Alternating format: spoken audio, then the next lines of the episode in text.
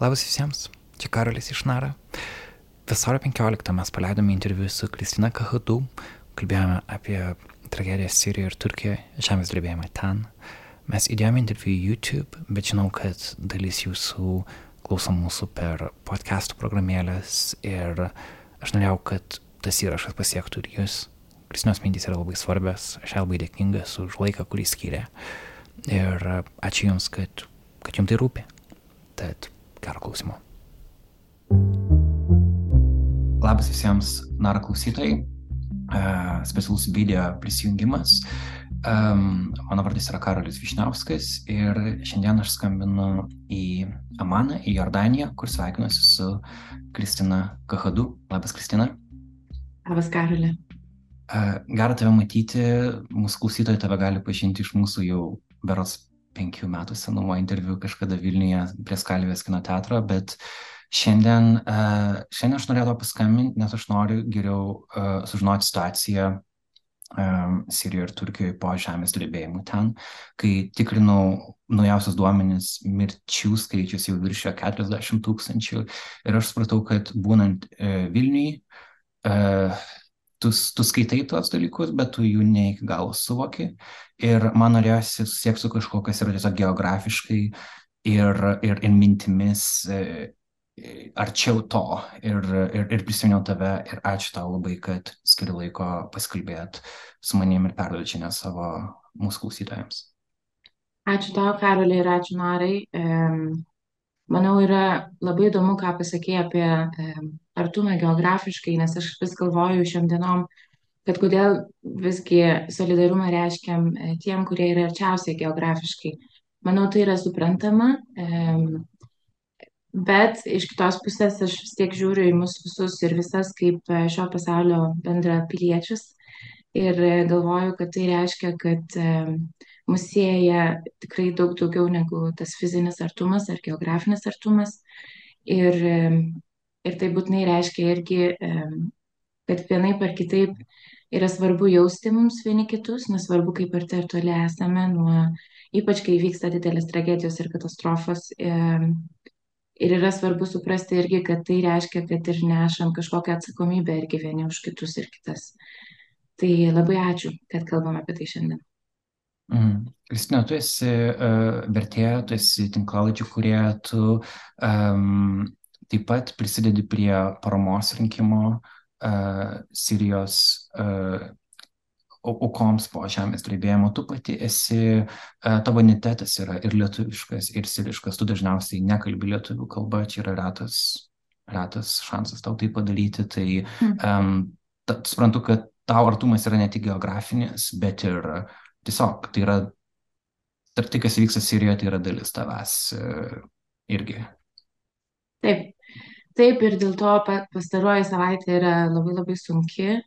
Kaip ir sakiau prieš interviu, jaučiu, kad labai sunku kartais išliai reikšti mintis e, šiuo metu, o dar ir pridedant prie to, kad e, retai kada tenka lietuškai kalbėti mane, tai kartais ir žodžiai iškrenta iš atminties. Tai tokiom aplinkybėm esant e, stengsiuosi kiek įmanoma aiškiau šiandien papasakoti situaciją, bet e, prašysiu ir tavęs prisijungti, ar tai išverčiant kokį žodį, ar, e, ar tiesiog pataisant pokalbio kryptį. Mhm. Mielai, žinoma, padėsiu. Tai jo, kad tik būtų aišku klausytojams, tu esi Jordanijoje, tu nesi Sirijoje, bet, tu, bet Jordanija yra šalia. Ir e, ką, kokią informaciją tu gauni, e, kokia, kokia apskritai aplinka šiuo metu supanti tave, kaip drebėjimo mastas ir šitas aukų mastas pasivijo tave būnant Jordanijoje? Um, labai geras klausimas. Um, iš tikrųjų, um, nors esu fiziškai Jordanijoje, bet um, kaip žinia, žmonės iš Sirijos um, buvo priverstinai išvykę jau yra išvykę kai kurie labai daug metų, yra milijonai sirų ir sirų išsiverčiusių po visą pasaulį. Ir mūsų buvimas kartu dabar yra labai sudėtingas, bet jis yra ir labai reikalingas. Tai mano aplinka yra, yra ta kasdienė aplinka, yra ne tik ta fizinė aplinka, kuri mane supa, tai yra draugai, pažįstami, e, viso, įvairios, įvairūs kolektyvai ir, ir visuomeninės iniciatyvos ir grupės, bet taip pat ir sirai bei sirės, kurie yra visame pasaulyje, kurie dalinasi mintimis, žinutėmis, informacija tiek Facebook'e, tiek kitose socialinių medijų platformose. Ir stengiamės kažkaip palaikyti vieni kitus ir fiziškai čia būnant, kas gali, ir per atstumą. Ypač kalbant apie dalybą informaciją, dėl to, kad yra labai svarbu, norint dabar padėti rinkti paramą, suprasti, kokie yra poreikiai ir tie poreikiai keičiasi kasdien. Galbūt papasakosiu šiek tiek daugiau šiandien apie tos poreikius, bet prie to dar norėjau pasakyti, kad visa tai, ką aš pasakosiu šiandien, tai yra informacija rinkta šimtų ir tūkstančių žmonių savanoriškai per visą šią savaitę žmonės nemiega. Žinau labai daug aktyvių žmonių, kurie gyvena, tarkim, dabar JAV ar Kanadoje ir jie keliasi kasdien, jie gyvena Sirijos ritmoje, nors yra begalinis laiko skirtumas, man atrodo, 7 ar 8 valandų, bet jie tiesiog gyvena Sirijos ritmu, kad galėtų sekti visą informaciją, ją dalintis ir, ir, ir kaip sakiau, rinkti paramą tokią, kokios dabar labiausiai reikia ir taip pat palaikyti vieni kitus kiek įmanoma e, tokiu sunkiu laikotarpiu. Mhm. Taip, e, nuo e, žemės drebėjimo jau praėjo daugiau nei savaitė. Kokia, kokia reali yra dabar situacija? Nes e, ar vis dar tęsiasi žmonių paieška, ar kas, e, jo, kas, kas šiuo metu vyksta tavo žiniomis? Mano paskutiniais duomenimis e, paieška baigėsi vakar e, berods Sirijos e, teritorijose, bet yra labai svarbu suprasti, kad kai kalbam apie Sirus ir Sirės nukentėjusius nuo žemės drebėjimo, tai mes kalbam apie tris kategorijas žmonių. Pirmoji kategorija tai yra Sirai, kurie buvo jau pabėgę e, anksčiau į Turkiją ir kurie buvo Turkijos teritorijoje, kai vyko žemės drebėjimas. Ir tai yra žmonės, kurių dauguma neturi leidimų nuolat gyventi. Jie gyvena kaip sakyčiau, turistų sąlygomis e, Turkijoje. Ir jiem nebuvo teikiama pirmenybė, ypatingai pirmomis valandomis bei dienomis e, teikiant paramą. Antroji žmonių kategorija tai yra e, žmonės, kurie gyvena režimo kontroliuojamose teritorijose. Ir dėja labai gaila, bet mes neturime pakankamai informacijos iš, e, apie tuos žmonės, turime oficialius skaičius nukentėjusių bei žuvusių žmonių, kuriuos paskelbė e, Sirijos sveikatos ministerija. Tačiau, kadangi e, režimas, mes kalbam apie diktatūrą, kuri jau tęsiasi 50 metų, tai yra režimas, kuris bombardavo savo žmonės, tai yra režimas, kuris rengė cheminius polimus prieš savo žmonės, tai manau, tą kontekstą yra svarbu suprasti, kad galėtumėm suvokti, kaip jisai elgėsi dabartiniai situacijoje ir kad jisai bando visais įmanomais būdais ir kažkaip, kaip pasakyti, kontroliuoti veiksmą, kuris vyksta tose teritorijose, ta prasme, kad yra labai žmo, daug žmonių, kurie bando e, daryti pilietinės iniciatyvas, rinkti paramą, e, padėti žmonėms tose teritorijose iš pačios Sirijos. E, tačiau jie tai daro labai mažose grupėse, nes bet kokia didesnė iniciatyva ar grupė, tai jinai iš karto yra patenka į režimo specialių tarnybų bei saugumo tarnybų e, akiratį ir tada yra ribojama tų žmonių veikla arba galbūt netgi jiem gali grėsti pavojus. Tai Ir kadangi režimo e, medijos tai yra propagandinė mašina, tai mes realiai ne, neturime netgi pakankamai vaizdų ar žmonių pasakojimų apie tai, kas vyksta. Pavyzdžiui, e, neseniai visai vienas e, aktyvus pilietis, kuris gyvena aktyvistas, kuris gyvena režimo kontroliuojamose teritorijose iš Latakijos berots, tai yra pajūrio miestas, jisai kalbėjo apie tai, kaip kai kuri parama, kuri yra dalinama Sirijos e, režimo kontroliuojamose teritorijose, yra arba vogiama, arba kažkur dinksta ir neaišku kur, neaišku kas ją pasiema. E, tai e, tas žmogus tiesiog dingo kitą dieną ir mes nieko apie jį nebežinom. Tai tas tiesiog e, toks, tai, tai yra mažas pavyzdys to, kaip yra sunku e, dirbti tose teritorijose, jas pasiekti, padėti žmonėm ir realiai suprasti, kokia yra situacija, kaip ta parama yra dalinama, kiek tos paramos yra, kas, kas ją siunčia, kaip jį patenka, kaip jį dalinama ir taip toliau. Trečioji žmonių kategorija tai yra žmonės, kurie gyvena e, ne režimo kontroliuojamose teritorijose, tai yra šiaurės vakaruose Sirijoje.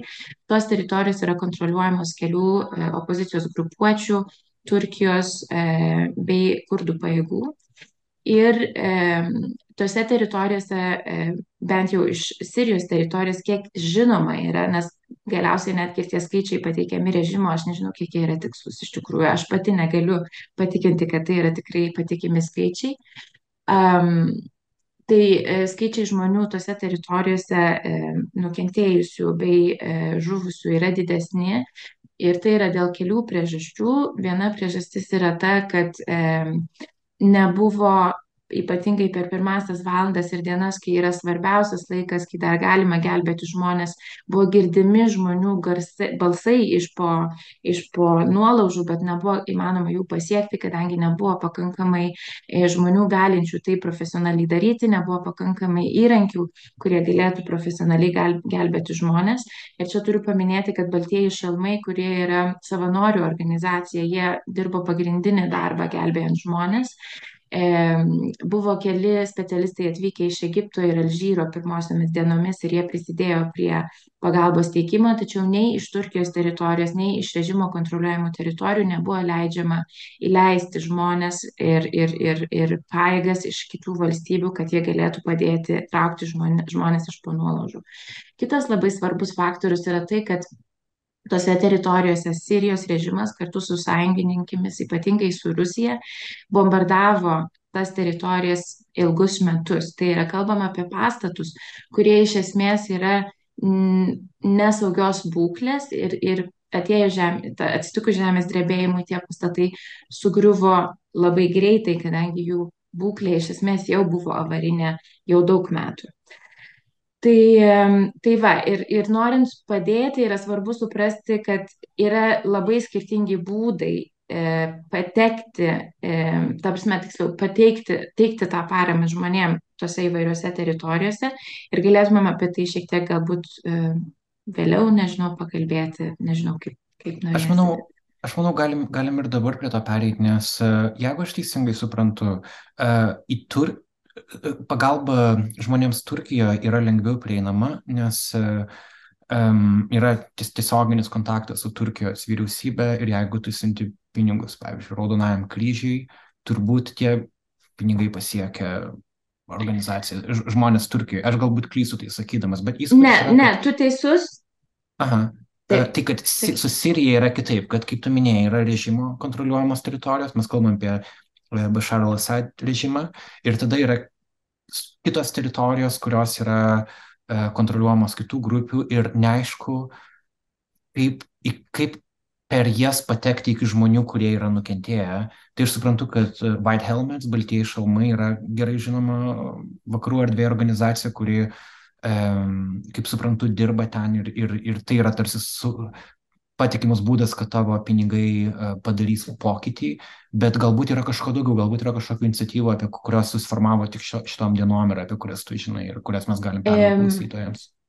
Jo, būtinai. E, noriu tik tais pabrėžti, kad e, tu teisus dėl to, ką sakėjai apie e, pagalbą teikiamą Turkijos teritorijai, tačiau iš e, savanorių ir, ir aktyvių žmonių pasakojimų, kiek aš matau viešoje erdvėje, kai kuriuose teritorijose visgi pirmenybė yra teikiama piliečiams Turkijos, o ne užsieniečiams. Mm. Ir tokiu atveju yra, yra užsieniečiai. Tačiau su Turkija yra šiek tiek paprasčiau, nes yra labai daug pilietinių ir visuomeninių iniciatyvų, kurie, e, kurios, ta prasme, tai yra turk, turkų žmonių, Turkijos žmonių e, e, rengiamos iniciatyvos, kur, kurie, kurios vis primena žmonėm, kad yra labai svarbu nepamiršti ir sirų gyvenančių Turkijos teritorijoje ir jie bando tą pagalbą kažkaip rinkti ir teikti.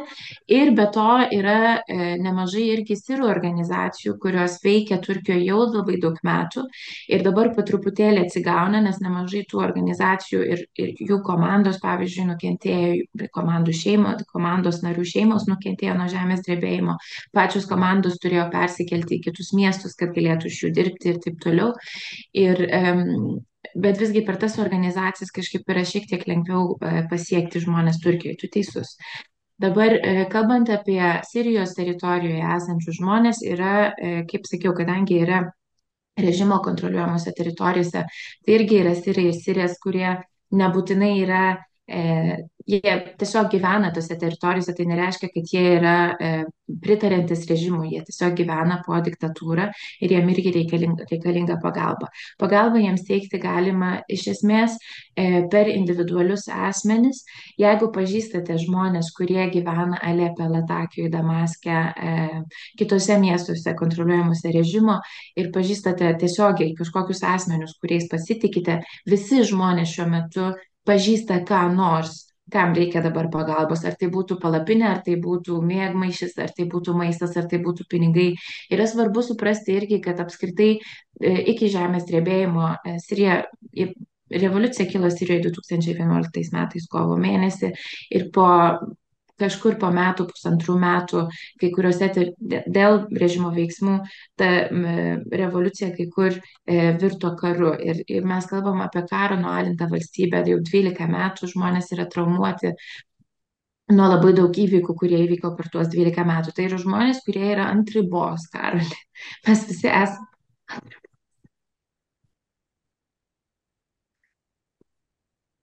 Tai yra svarbu suprasti, kad bet kokia parama dabar. Atsiprašau.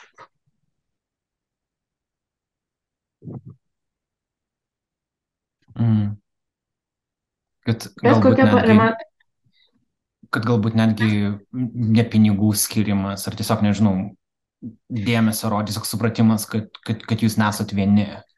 Taip, taip, Ta- tai yra labai svarbu. svarbus aspektas. Taip, tai yra, ir aš prieisiu prie to, galbūt šiek tiek plačiau, bet kad, kad nepamirščiau tiesiog, apie ką kalbėjom, e, yra labai svarbu nepamiršti tų žmonių, kurie gyvena režimo teritorijose ir tą galima padaryti, kaip sakiau, per pažįstamus ir patikimus asmenis.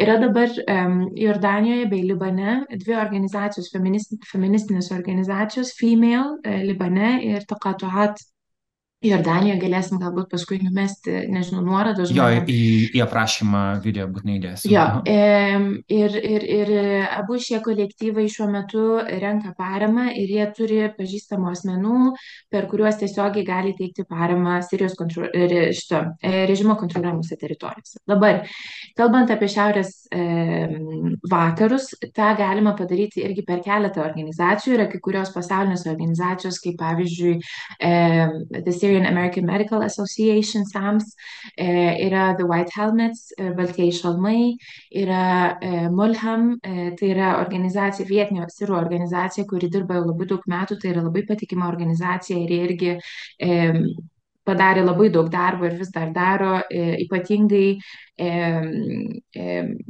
tiek, ta prasme, jie teikia paramą visokiojopą, tiek e, ieškant e, tėvų vaikams, kurių tėvai yra dingę arba atvirkščiai, e, ta prasme, ieškant žmonių, sujungiant šeimas, teikiant piniginę paramą, e, maisto davinius, e, palapinės, miegmaišius ir taip toliau, kadangi dabar, kaip supranti, e, yra apie, man atrodo, vakar žiūrėjau skaičiai, buvo apie 5 milijonai žmonių dabar yra netekę namų. 5 milijonai žmonių, Karol. Mes kalbam apie ne kažkokį trumpalaikį efektą, mes kalbam apie labai reikalingą ilgalaikę paramą. Ir, ir, ir tokiomis aplinkybėmis, kaip yra Sirijoje, yra svarbu kažkaip vis žiūrėti, kokie yra poreikiai e, dabar, kad galima būtų e, e, paramą teikti kaip įmanoma e, konstruktyviau.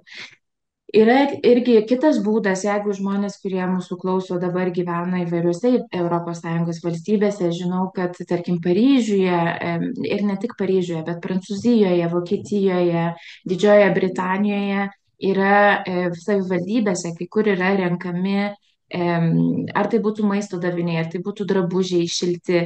Yra svarbu irgi, e, norint prisidėti prie tokių iniciatyvų, galvoti, kad dabar yra šalta labai pas mus regione. Tai reiškia, kad mums reikia šiltų drabužių, ne kažkokių vasarinių rūbų ar, ar Jo, tiesiog galvoti apie kokių rūbų dabar labiausiai reikėtų. Ne? Jeigu siunčia mėgmaišius, galvoti apie šiltus mėgmaišius, o ne kažkokius ten paprastus. Jeigu galvojam apie antklodės, kad tai būtų kažkokios e, šiltos antklodės, tačiau neužimančius daug vietų, kad galima būtų kuo daugiau paramos nusiųsti vienu metu. Mhm. Tai yra tokie būdai iš esmės. Tai būtų arba piniginės paramos, uh, kuria, kurias galima siūsti įvairiom organizacijom. Ir aš galėsiu pasidalinti su tavimi paskui sąrašu. Uh, yra sudarytas sąrašas uh, organizacijų, kurios veikia šiaurės vakaruose. Tai galima būtų, aš nusiųsiu tiesiog paskui. Arba, kaip sakiau, per savivaldybę siūsti jau kažkokius tiesiogiai daiktus, ar ne? Mm Dar, manau, prieisiu prie to, ką tu pradėjai pasakoti, sakyti apie tai, kaip yra svarbu dabar e, palaikyti vieni kitus morališkai irgi. Mhm. Nebūtinai, aišku, kiekvienas ten tas padeda ir nebūtinai siūsti kažkokias milžiniškas sumas, bet tą galima tikrai padaryti, bet e, iš kitos pusės, jeigu pažįstat žmonės, kurie yra sirai ir kurie gyvena šalia galbūt, e, yra svarbu suprasti, kad kuo toliau sirai yra fiziškai, tuo arčiau jie yra mintimis, nes yra labai sunku išjausti visus tuos dalykus, būti tame getulė toli. Daug žmonių mm. yra netekę savo šeimų, pavyzdžiui, arba nežino nieko apie jas. Tai tas palaikymas, aš labai atsiprašau, bet tas palaikymas žmogiškas, ta empatija, manau, yra labai labai svarbu. Dar kitas aspektas yra domėtis patiems. Yra labai daug informacijos šaltinių, kurie yra e, patikimi, kaip Al-Žumhurija, pavyzdžiui, rašo ir angliškai, yra Women Now for Development Mulham Team, jie visi rašo update'us nuolatinius apie tai, kas vyksta um, angliškai ir arabiškai. Tai jeigu norite sužinoti, yra galbūt irgi svarbu patiems sekti tą informaciją ir neužkrauti to krūvio žmonėm, kuriems šiuo metu yra sunku. Um, ne vietoj to, kad um, klausinėt ir tai, kaip ten, tai kas ten vyksta, o tai yra labai daug informacijos, tai galima ir patiems ją susirasti, nes kiekvieną kartą žmogui perpasakojant ir pasakojant, kas vyksta, tai yra, jie išgyvena tą traumą nuolat ir vėl.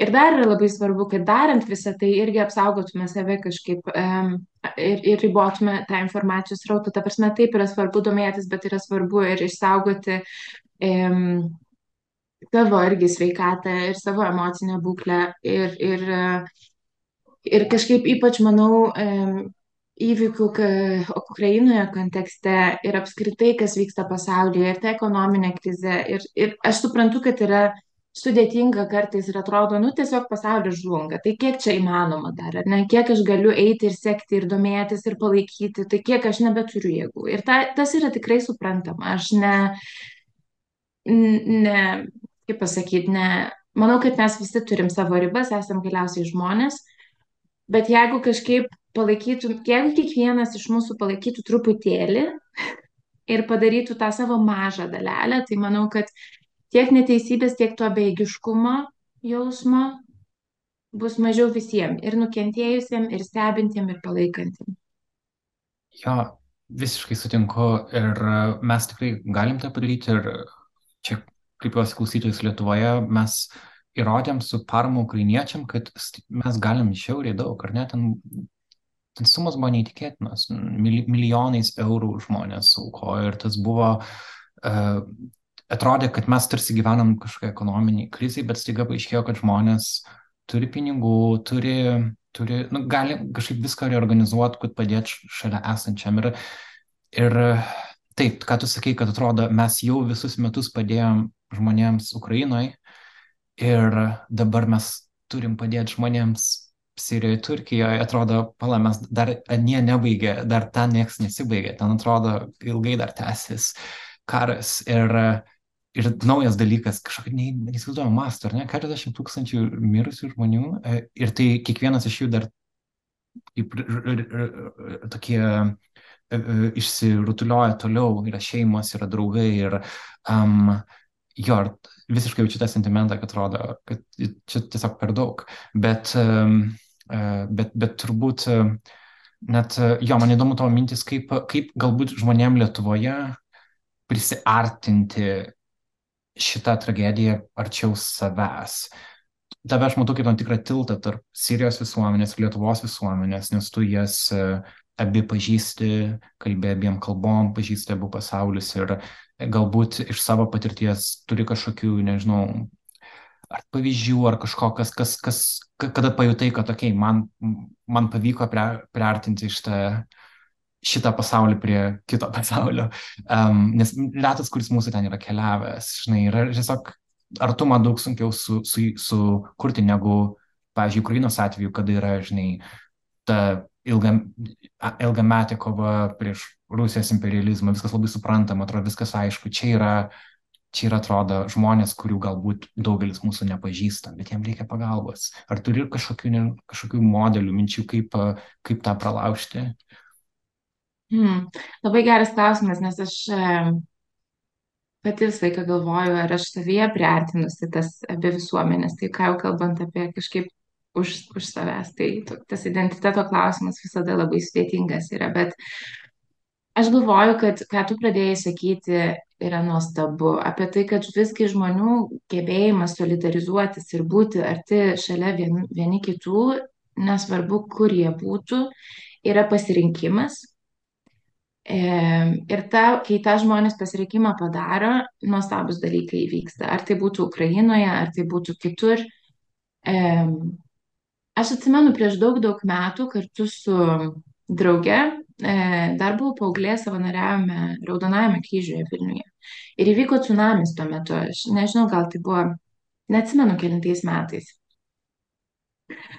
Ir atsimenu, kad mes kažkokiam priekybos centre rinkome pinigus tada.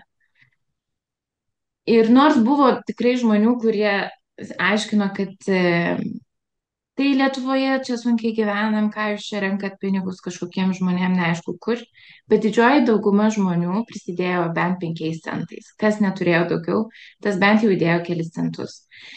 Ir aš visą laiką galvoju, kad tom akimirkom tokiom, jeigu tik pasirenkam, kad aš noriu išklausyti ir aš noriu suprasti, kas vyksta, mes prisimenam, kad visgi tie, tie 40 tūkstančių tai nėra skaičiai, tai yra žmonės. Ir tie žmonės galėtų būti labai arti, labai toli, bet jie yra žmonės, jie yra kaip ir aš, mums reikia vienų, vienodų dalykų. E, turbūt jeigu e, Lietuvoje būtų tokia tragedija ir katastrofa, mes irgi prašytumėm paramos, mes prašytumėm palaikymo, mes prašytumėm pasaulio, kad jis pripažintų, kad tai, kas įvyko, mums yra labai skaudu. E, kad tai yra nesažininga e, ir kad taip negalim kontroliuoti žemės drebėjimo, bet galim pasirinkti būti šalia vieni kitų, kai didelės tragedijos įvyksta. Lygiai taip pat kaip ir mirtis, kai ištinka kažkuria šeima ar ne, tu nebegali pakeisti to fakto, kad kažkas mirė, kad brangus artimas žmogus mirė, bet tu gali būti šalia tų žmonių, padėti jiems tą sunkę valandą. Tai aš manau, kad tą žmonės sugeba padaryti, pasirinkti tą padaryti gali būti sunku, kai yra žmonės pervargę, bet aš manau, tiesiog nėra kito pasirinkimo. Mes negalim gražinti tų žmonių, kurie mirė, mes negalim e, pakeisti to, kas įvyko, bet mes galim pasirinkti būti šalia vieni kitų ir prisiminti, kad visi esam žmonės, kuriems e, sunkia valanda tiesiog reikia palaikymo ir nesvarbu, kokios formos tas palaikymas yra. Ir dar kitas aspektas, manau, kad um, pamiršau, ką norėjau pasakyti. Bet, a, taip, kad um, man, pavyzdžiui, vienas nuostabiausių pavyzdžių yra vakar istorija skaityta apie žmogų, kuris gyvena Sirijoje, kaip sakiau, Sirija, Sirijos dauguma žmonių gyvena žemos skurto ribos jau daug metų. Ir tai yra absurdas, kadangi šalis turi labai daug resursų, tai yra žmonės darbštus, yra labai daug derlingų žemių ir taip toliau, bet yra kaip yra dabar. Ir kažkuris žmogus turėjo, likus, tapsime, turėjo namie dar pusę stiklainio alyvogių. Tapsime, turėjo vieną stiklainį alyvogių ir jisai pusę to stiklainio paukojo kaž, kažkam, kam reikėjo, nukentėjusiam nuo žemės drebėjimo ir pasiliko tą kitą pusę savo. Ir aš galvoju, kad tą, ką tu sakėjai apie tai, kad, va, atrodo, išgyvenam ekonominę krizę, bet sugebėjom tiek ir vis dar padedam Ukrainai, aš manau, tai yra, tai yra lygiai toks pat pavyzdys nuostabus, kad turiu mažai, bet tuo mažai noriu pasidalinti su, su kitu. Tai kviečiu tą padaryti ir šiuo atveju, kadangi tikrai tragedijos mastas yra neapsakomas. Ir vėlgi turim suprasti, kad ta tragedija įvyko žmonėm, kurie jau daug metų išgyvena vieną tragediją po kitos ir atrodo, kad tai nesibaigia ir nes, nesibaigs niekada artimiausiu metu. Tai va, tiek. Jo, reikia nepamiršti, kad, kaip minėjai, karas vyksta virš dešimt metų ir tai buvo žmonių sukeltas karas ir dabar mes turim gamtos sukeltą tragediją ir tas, tai vyksta toje pačioje e, teritorijoje. Ir um, tiesiog gyvenant saugiai Vilniui, tu tikrai negali, aš ne, nebandau apsimest, kad galiu įsivaizduoti, ką, ką, ką tai reiškia. Um, iš praktinės pusės, aš noriu palikti klausytojus kažkokią grinai labai, labai praktinę informaciją. Man atrodo, na tarkim, aš, nežinau, turiu e, žeminę striukę, kurią noriu perduoti žmonėms Sirijoje. Um, ką man daryti, kur man ją nešti, e, aš nežinau, kiek tu susipažinus su Lietuvos visą paramos infrastruktūrą, nes čia lyderiaujančios organizacijos yra Raudonasis kryžius, taip pat yra Junktinių tautų pabėgėlių agentūra, agentūros balsas matomas, Um, bet tai, ką tu minėjai, tu minėjai labiau tokias uh, nu, daug naujų organizacijų, kurias aš, pavyzdžiui, pats pirmą kartą išgirdau. Um, ir nežinau, kiek su Lietuva tie tinklai yra surišti. Tai jeigu tu gyventum Vilniuje šiuo metu, ką tu, ką tu darytum, norėdama padėti? E, jeigu aš turėčiau pinigų, tai aš e, pasirinkčiau vieną iš organizacijų iš sąrašo, kurį paliksime žmonėm ir jie galės. Kurią, kurią, e, gali rekomenduoti porą, porą vardų, pažiūrėjau, kuriais taip, tu, su kuriais taip, pati dirbi. E, Taip, aš pati siunčiau ir siūsime dar, nes dabar renkame aplinkoje irgi pinigus, tai siūščiau, prioritetas būtų SAMS, Syrian American Medical Association, dėl to, kad jie turi įsteigę lauko ligoninės šiuo metu. E, ir SAMS. S-A-M-S. MS, taip. Ir abiejų mhm. ligoninės, kurios buvo šiaurės vakaruose, nukentėjo. Tai e, dabar steigia lauko ligoninės e, ir, ir, ir bando padėti sužeistiesiams, kurių yra tūkstančiai. Kita organizacija būtų Baltieji šalmai. Mhm. Kurie vykdė ir dabar vykdo kito, kito pobūdžio veiklą, bet jie e, iš esmės buvo pagrindiniai žmonės, kurie iškojo žmonių iš panuolaužų. Ir mhm. E, trečioji organizacija būtų Molham, M-O-L-H-A-M. Mhm. Tai yra irgi sirų organizacija Molham, taip.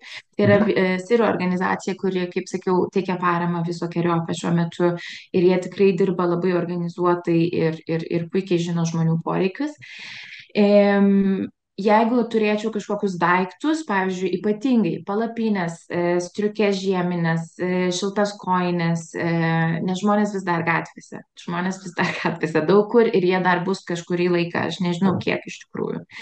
Tai aš tą, tuos daiktus pabandyčiau skambinti į Raudonąjį kryžių ir pažiūrėti, ar jie siunčia daiktus į Turkiją. Manau, į Siriją tikrai nesiunčia, bet bent jau į mhm. Turkiją ar jie siunčia daiktus ir pasiteirauti, ar, ar, ar kažkaip įmanoma yra e, sužinoti, kaip e, tie e, daiktai yra dalinami, ar jie kažkaip pasiekė sirų šeimas ar ne Turkijoje, nes kaip minėjau, sirams nėra teikiama pirmenybė, bent jau kai kuriuose teritorijose Turkijoje, gauti paramą. E, Dabar kas dar? Taip, o jeigu gyvenu ne Vilniuje, bet kitoje ES valstybėje, tai aš pasis, pasteiraučiau savivaldybės savo, ar yra kažkokio, kažkokios, e, kažkokie paramų daiktų rinkimai, nes tikrai nemažai savivaldybių tą daro e, ir tą daro puikiai. Kitas irgi būdas, jeigu gyvenu ES valstybei, ne Lietuvoje, pasidomėti, ar yra sirų aktyvistų grupės, kurios renka paramą, mhm. nes jie irgi turi savo kanalus ir jie tą daro puikiai organizuotai jau daug metų. Žinau, Berlyne yra tikrai labai daug iniciatyvų, Paryžiuje yra daug iniciatyvų ir e, Londone, man atrodo. Mhm, mhm. Dėkui, labai gera praktinė informacija, kurią, e, manau, svarbu perduoti žmonėm. E, aš noriu užbaigti su tiesiog tavo grįžtant prie tavo as, asmeninės situacijos, ir, um, ar tu kada nors gyvenai Sirijoje, ar tu augai, ar, ar tom vietom, kurios tau yra pažįstamos, ar, ar jos buvo paliestos e, drebėjimo? E, taip, nes visa šalis buvo paliesta drebėjimo, e, vienur mažiau, kitur daugiau. E, aš esu augus Sirijoje, praleidau, praleidau vaikystę tenai ir vis dar turim e, giminių tenai. Mano giminės yra sveikos, e, giminės nariai yra sveiki e, e, fiziškai, emociškai e, ne. E, ir manau, prireiks laiko atsigauti. E, Ar jūs galite bendrauti, ar pavyks e, juos taip? Aha. taip, taip. em, Ir e, tačiau kai kurie pažįstami kolegos, em, kurie pažįstami galbūt tik tais em, virtualiai, nesam gyvai niekada susitikę, kai kurie iš jų em, yra ir sveiki, em, ir gyvi, kai kurie gyvi, bet mažiau sveiki, o kai kurie jau nebe tarp mūsų. Em, tai va. Mhm, mhm. Ir kas, kas tave palaiko šitam dienom? Kaip, kaip, kaip atrodo tavo dienos šitą savaitę? Po, po tiesiog ką tu, ką tu darai? Sunkios labai dienos iš tikrųjų. Terapija padeda labai. E, draugai ir pažįstami ir artimieji e, labai padeda irgi. Paramos rinkimas ir kažko, kažko darimas padeda, nes kažkiek sumažina to bejėgiškumo jausmo, kuris yra tiesiog žudantis tokiais atvejais. Ir kaip tik vakar galvojau, kad reikėtų susikurti erdvę išliūdėti. Tai to dar nepadariau, bet e, manau, kad reikėtų. Labai padeda buvimas įvairių e, kolektyvų dalim, nes tą kažkaip gedulą ir liūdėsi nešam kartu, kiekvienas ir kiekviena savaip, bet e, buvimas kartu ir suvokimas, kad neturi labai daug aiškinti aplinkiniam, kas tau yra, labai padeda. Ir Mm. e, labai užjaučiu tuos, kurie neturi to tokio e, besąlygiško paramos tinklo. Jo, mes e, Vilniui buvo pirmadienį surinkta toks greitas susitikimas menų agentūros Artscape, kuriam kaip atvyko žmonės iš Sirijos, iš Irako, daug žmonių iš Vilniaus tiesiog ir mm, buvo meninis performances, buvo toks kaip light, atviras mikrofonas, kur žmon, kažkas pas, pa, pasakė eilės, kažkas buvo merginai iš Turkijos, kuris dainavo dainą, kuri iš jos vaikystės. Yra toks, atrodė renginys net be aiškios struktūros ir neaišku, bet tiesiog, kad fiziškai mes būtumėm kartu ir tas, ir tas padėjo ir, ir turbūt gerai, kad nebėra COVID laikas, kada mes realiai galim, kad mes galim susitikti ir tas turbūt pir, pirmas, pirmas žingsnis. Um, Nuostabu. Ir tie dalykai, tie dalykai nieko nekainuoja iš tikrųjų. Tas Jo. buvimas kartu nieko nekainuoja. Tai net jeigu yra žmonės nualinti finansiškai, bet tas buvimas, sakau, tikrai tas buvimas kartu labai padeda. Mes vakar su, su kolegiam kalbėjom apie tai, kad išgyvenam per dieną visas gedulo stadijas ir pyktį, ir, ir, ir neigimą. Yra momentų, kur man atrodo, tai viskas gerai, nieko neįvyko iš tikrųjų, va, gyvenimas tęsiasi. Tada kitą momentą jauti tiesiog pyktį, kuris apima tiek, kad nebegali kvepuoti. Dar po to jauti tokį gilų liūdėsi, kad atrodo, pa, nu, paralyžiuoja. Tada dar po kažkiek laiko atrodo viskas darom, veikiam, čia energijos atsiranda iš kažkur ir, ir visa tai per vieną dieną. Tai įsivaizduokit, jeigu žmogus neturi su kuo visų tuo krūviu pasidalinti, kaip yra sunku. Ypatingai jeigu gyvena aplinkoje, kur žmonės tiesiog gyvena savo gyvenimą ir kuriem gal net, ai jo, įvyko kažkur ten žemės drebėjimas, kažkur ten kitam pasaulyje, bet ne mano pasaulyje. Ir, ir nu, tiesiog pabandykite įsivaizduoti, kaip tam žmogui jaustis. Tai nebūtinai žinoti, kartais man atrodo, mes bijom palaikyti, nes nežinom, ką pasakyti. Atrodo, neturi informacijos pakankamai, bijai galbūt pasakyti kažką ne taip, užgauti gal.